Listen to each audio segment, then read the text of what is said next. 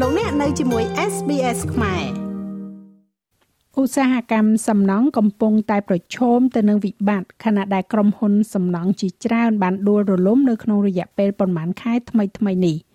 គេកំពុងតែទម្លាក់កំហុសទៅលើកង្វះកម្លាំងពលកម្មនិងការកើនឡើងនៅថ្លៃសម្ភារៈ តែទោះជាយ៉ាងណាក៏ដោយ មានការអំពាវនាវឲ្យធ្វើកំណែទម្រង់កិច្ចសន្យាសាងសង់នាពេលបច្ចុប្បន្ននេះដោយអ្នកជំនាញនៅក្នុងឧស្សាហកម្មនេះមួយចំនួនកំពុងពិពណ៌នាថាហួសសម័យឧស្សាហកម្មសាងសង់បានទទួលរងនឹងការវាយប្រហារយ៉ាងខ្លាំងនៅក្នុងរយៈពេលប្រមាណខែថ្មីៗនេះដោយមានការដួលរលំនៃក្រុមហ៊ុនធំៗមួយចំនួនហើយក្រុមហ៊ុនសំណង់ដ៏ធំមួយរបស់អូស្ត្រាលីគឺក្រុមហ៊ុន Porter Davis ថ្មីថ្មីនេះបានធ្លាក់ចូលទៅក្នុងការប្រកាសរំលាយទ្រព្យសម្បត្តិដែលភាសាអង់គ្លេសហៅថា liquidation ហើយនេះបានកើតឡើងប៉ុន្មានម៉ោងមុនពេលដែលក្រុមហ៊ុនហេដ្ឋារចនាសម្ព័ន្ធ Lloyd Group ដែលមានឯកទេសនៅក្នុងគម្រោងរបស់រដ្ឋនិងរដ្ឋាភិបាលក្នុងតំបន់នោះបានដួលរលំការដួលរលំរបស់ក្រុមហ៊ុន Porter Davis បានធ្វើឲ្យអចលនទ្រព្យចំនួន1700ខ្នងស្ថិតនៅក្នុងហានិភ័យនៅទូទាំងរដ្ឋ Victoria និងរដ្ឋ Queensland ខណៈដែលស្ថានភាពនៃគម្រោងជាង50ក្រោមក្រុមហ៊ុន Lloyd Group នៅតែមិនច្បាស់លាស់ទិន្នន័យពីគណៈកម្មការមូលបត្រអូស្ត្រាលីហៅកាត់ថា ASIC បង្ហាញថាក្រុមហ៊ុន1495ក្រុមហ៊ុននៅក្នុងវិស័យសំណង់បានធ្លាក់ចូលទៅក្នុងការប្រកាសរំលាយទ្រព្យសម្បត្តិឬការទទួលបន្ត receivership ឬក៏ការគ្រប់គ្រងរហូតមកទល់នៅពេលនេះក្នុងឆ្នាំហិរញ្ញវត្ថុ2022ដល់2023 នេះបើប្រៀបធៀបជាមួយនឹងចំនួនសរុប1284ក្រុមហ៊ុនសម្រាប់ឆ្នាំហិរញ្ញវត្ថុ2021-2022ទាំងមូលមានកត្តាមួយចំនួនដែលត្រូវស្ដីបន្ទោសចំពោះការដួលរលំម្ដងហើយម្ដងទៀតនេះប៉ុន្តែតើវាមានន័យយ៉ាងណាចំពោះអ្នកដែលមានគម្រោងមិនទាន់បញ្ចប់នៅក្រោមក្រុមហ៊ុនទាំងនេះអ្នកជំនាញច្បាប់សំណង់មកពីសាកលវិទ្យាល័យ Monash សាស្ត្រាចារ្យ Paula Geber ពន្យល់ The outcome is going to differ depending upon លទ្ធផលនឹងខុសគ្នាវាអាស្រ័យលើចំណុចដែលម្ចាស់គេហដ្ឋានស្ថិតក្នុងដំណាក់កាលសាងសង់ប្រសិនបើវាជិតដល់ទីបញ្ចប់វាអាចថាពួកគេអាចទទួលបានអ្នកសាងសង់ម្នាក់ទៀតដើម្បីបញ្ចប់យ៉ាងឆាប់រហ័សនៅនាទីចុងក្រោយហើយបញ្ហាគឺកាន់តែច្រើននៅកន្លែងដែលការងារបានចាប់ផ្ដើមប៉ុន្តែប្រហែលជាមិនទាន់បញ្ចប់ឬមិនទាន់បាន50%ហើយបន្ទាប់មកអ្នកកំពុងតែស្នើសុំឲ្យអ្នកសាងសង់ម្នាក់ទៀតចូលមក ហើយសន្មត់ហានិភ័យសម្រាប់ការងារដែលអ្នកសាងសង់មុនបានធ្វើដូច្នេះហើយអ្វីដែលពួកគេធ្វើ គឺពួកគេគិតតម្លៃនៅក្នុងការ quote ពីតម្លៃរបស់ពួកគេដើម្បីបញ្ចប់ការងារនោះការកើនឡើងជាខ្លាំងនៅតម្លៃសម្ភារៈនិងកង្វះកម្លាំងពលកម្ម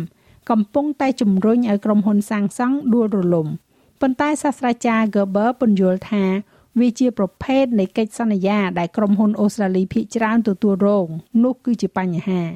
លោកស្រីមានប្រសាសន៍ថាជាឧទាហរណ៍ច្បាប់កិច្ចសន្យាសាងសង់នៅក្នុងស្រុករបស់រដ្ឋ Victoria គឺហួសសម័យហើយព្រោះវាគ្រប់គ្រងប្រភេទនៃកិច្ចសន្យាដែលអ្នកអាចមានដោយកម្រិតក្រុមហ៊ុនសាងសង់និងម្ចាស់ផ្ទះទៅនឹងកិច្ចសន្យាតម្លៃថេរសាស្ត្រាចារ្យ Geber មានប្រសាសន៍ថាខណៈពេលដែលនេះអាចផ្ដល់ឲ្យម្ចាស់ផ្ទះនៅភាពប្រកបប្រជាលើការចំណាយវាមិនអនុញ្ញាតឲ្យមានកិច្ចសន្យាថ្លៃដើមបន្ថែម cost plus ដែលអាចបត់បែនបានដែលអនុញ្ញាតឲ្យក្រុមហ៊ុនផ្ដល់ថ្លៃដើមសម្រាប់កម្លាំងពលកម្មនិងឧបករណ៍មុនពេលចុះបញ្ជីប្រាក់ចំណេញរបស់ពួកគេលោកស្រីពន្យល់ពីរបៀបដែលកិច្ចសន្យាអាចបត់បែនបាន អាចធានាថាការចំណាយទាំងមូលមិនទម្លាក់ចុះទាំងស្រុងទៅលើក្រុមហ៊ុនសាងសង់នៅពេលដែលតម្លៃសម្ភារៈកើនឡើងនោះទេ So when the price of roof trusses goes up ដូច្នេះនៅពេលដែលថ្លៃដំបូលឡើងថ្លៃ50%ក្នុងកិច្ចសន្យាជារួមមួយអ្នកសាងសង់ត្រូវទទួលរងដូច្នេះភ្លាមភ្លាមប្រាក់ចំណេញរបស់ពួកគេទាំងអស់ត្រូវបានបាត់បង់ប៉ុន្តែអ្នកអាចឃើញថាប្រសិនបើប្រាក់ចំណេញរបស់អ្នកសាងសង់នៅក្នុងការងារនោះប្រហែលជាស្រួយស្ដាងគួរសមនៅក្នុងពេលចាប់ផ្ដើម វាត្រូវបានត្របាក់ទាំងស្រុងដោយកម្លាំងពលកម្មនិងថ្លៃសម្ភារៈកើនឡើងបន្ទាប់មកវាពិតជាជំរើសប្រសើរជាងសម្រាប់អ្នកសាងសង់ក្នុងការដើរចេញពីការងារហើយចូលទៅក្នុងការរំលាយទ្រព្យសម្បត្តិជាជាងបន្តធ្វើការងារដែលធ្វើឲ្យខាតបង់រដ្ឋាភិបាលសហព័ន្ធបានដាក់ចេញនូវការលើកទឹកចិត្តឲ្យសាងសង់នៅក្នុងអំឡុងពេល COVID-19 ទោះបីជាមានកង្វះខាតការផ្គត់ផ្គង់និងកម្មករដើម្បីទ្រទ្រង់គម្រោងនេះក៏ដោយ នាយកប្រតិបត្តិនៃក្រុមហ៊ុន Master Builders Australia លោកស្រី Denita Won ពន្យល់ពីរបៀបដែលកិច្ចសន្យា ដែលបានចុះហត្ថលេខាក្នុងអំឡុងពេល COVID-19 មិនអាចគិតដល់ការកើនឡើងជាបន្តបន្ទាប់នៃតម្លៃសម្ភារៈដែលជាលទ្ធផលនៃសង្គ្រាមនៅអ៊ុយក្រែននិងការកើនឡើងនៅអតិផរណា initially during covid we had massive ដំបូងឡើយក្នុងអំឡុងពេល covid យើងមានកង្វះខាតសម្ភារៈយ៉ាងច្រើន ហើយបន្ទាប់មកបុគ្គលិកហើយជាលទ្ធផលថ្លៃបានឡើងដល់កំពូល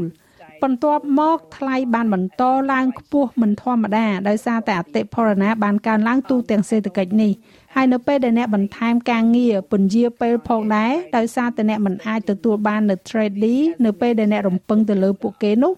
នេះមានន័យថាអ្នកសាងសង់ត្រូវតែជាប់គាំងជាមួយនឹងការកើនឡើងមិនគួរឲ្យជឿទាំងអស់នេះ ដែលគ្រាន់តែមិនបានរំពឹងទុកនៅក្នុងកិច្ចសន្យាតម្លៃថេដែលបានចុះហត្ថលេខាកាលពី12ខែឬក៏18ខែមុនលោកស្រីបានបន្ថែមទៀតថាខណៈពេលដែលអាជីវកម្មតូចតូចជាធម្មតាធ្លាក់ចូលទៅក្នុងការខ្សែធនពួកគេកំពុងតែប៉ះពាល់ដល់អាជីវកម្មធំធំនៅពេលនេះ ហើយដូច្នេះប៉ះពាល់ដល់ចំនួនអតិថិជនកាន់តែច្រើន។ក្រៅពីការបន្សល់ទុកឲ្យម្ចាស់ផ្ទះជាប់គាំងហើយនោះការដួលរលំនៃក្រុមហ៊ុនសាងសង់ បានធ្វើឲ្យមនុស្សរាប់ពាន់នាក់គ្មានការងារធ្វើផងដែរ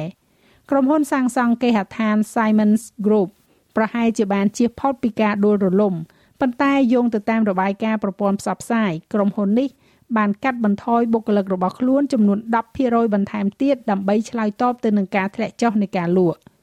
tradies ជាច្រើនអ្នកក៏ត្រូវបានចាក់ចែងដោយគ្មានប្រាក់ឈ្នួលសម្រាប់ការងារដែលពួកគេបានបញ្ចប់ហើយ លេខាធិការជាតិនៃសហជីពសំណង់លោក Zach Smith បានអំពាវនាវឲ្យរដ្ឋាភិបាលអនុវត្តកំណែទម្រង់ជាបន្ទាន់ដែលនឹងបង្កើតច្បាប់ស្តីពីសវត្ថិភាពការទូទាត់ប្រធានសមាគមជាតិសម្រាប់ស្ត្រីនៅក្នុងវិស័យសំណង់លោកស្រី Christina Yukopu មានប្រសាសន៍ថាដំណោះស្រាយមួយចំពោះកង្វះកម្លាំងពលកម្មគឺការលើកទឹកចិត្តស្ត្រីឲ្យកាន់តែច្រើនឲ្យចូលរួមក្នុងឧស្សាហកម្មសំណង់ So we do know that organizations ដូច្នេះយើងដឹងហើយថាអង្គការនិងឧស្សាហកម្មដែលមានការចូលរួមពីស្ត្រីកាន់តែច្រើន ជាទូទៅធ្វើបានកាន់តែប្រសើរដូច្នេះនេះមិនត្រឹមតែជាវប្បធម៌ប៉ុណ្ណោះទេ ថែមទាំងក្នុងការផ្ដល់នៅការច្នៃប្រឌិតនិងពាណិជ្ជកម្មផងដែរហើយវាផ្អែកទៅលើការសិក្សាពិតប្រាកដដែលធ្វើឡើងដោយ Ernst Young ក្នុងឆ្នាំ2022ហើយនោះគឺជាការសិក្សាមួយក្នុងចំណោមការសិក្សាជាច្រើនដែលគូបញ្ជាក់អំពីរឿងនេះ ការបង្កើតរបៀបសុវត្ថិភាពសម្រាប់ស្ត្រីក្នុងការឈានជើងចូលទៅក្នុងអាជីពសំណង់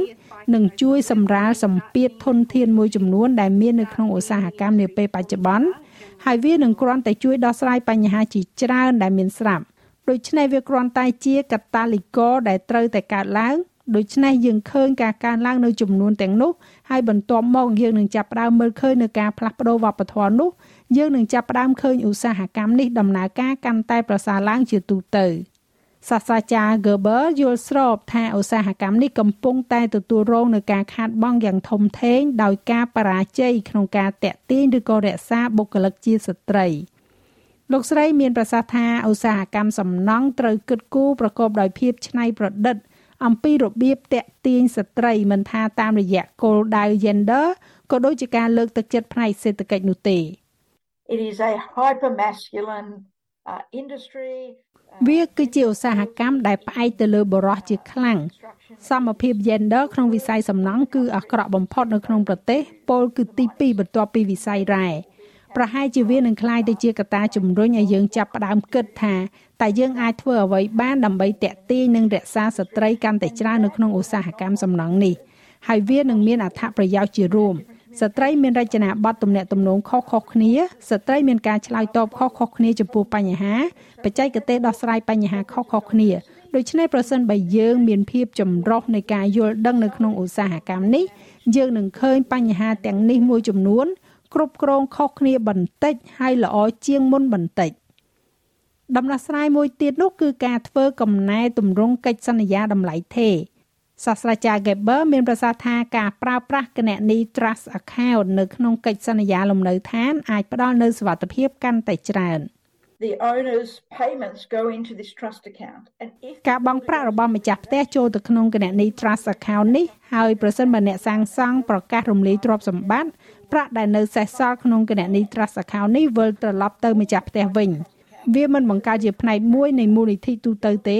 ហើយច្បាប់អនុវត្តចំពោះគណនី Trust Account នេះមានន័យថាអ្នកម៉ៅការឬអ្នកសាងសង់មិនអាចប្រើប្រាស់វាសម្រាប់គម្រោងផ្សេងទៀតបានទេប្រសិនបើអ្នកមានគណនី Trust Account ដែលរក្សាទុកលុយនោះនៅពេលដែលម្ចាស់ផ្ទះបង់ប្រាក់ចូលទៅ វាអាចប្រើបានតែលើចំណាយ trading កម្មករឬក៏សម្ភារៈសម្រាប់ផ្ទះរបស់ពួកគេតែប៉ុណ្ណោះនៅក្នុងករណីក្រុមហ៊ុន Porter Davis ម្ចាស់ផ្ទះមួយចំនួនអាចបាត់បង់ប្រាក់កក់របស់ពួកគេដោយសារតែពួកគេមិនមានការធានារ៉ាប់រងរដ្ឋាភិបាលរដ្ឋ Victoria បច្ចុប្បន្នកំពុងតែស៊ើបអង្កេតថាតើក្រុមហ៊ុនសំណង់ដែលដួលរលំ Porter Davis នេះបានបន្សល់ទុកឲ្យអតិថិជននៅការដែលគ្មានការធានារ៉ាប់រងដោយខុសច្បាប់ឬអត់បន្ទាប់ពីបានទទួលយកប្រាក់កោះរបស់ពួកគេ។ លោកស្រីវ៉នក៏មានអារម្មណ៍ថាភាពបត់បែននៃកិច្ចសន្យាកាន់តែច្រើនអាចផ្ដល់នូវលទ្ធផលល្អប្រសើរសម្រាប់អ្នកសាងសង់និងម្ចាស់ផ្ទះលោកស្រីបានបន្ថែមទៀតថា Master Builders Australia បានអំពាវនាវឲ្យពន្យាពេលកំណែទម្រង់ចំពោះច្បាប់សំណង់ជាតិដែលរដ្ឋាភិបាលសហព័ន្ធកំពុងតែស្វែងរកការអនុវត្តនៅក្នុងខែតុលានេះ។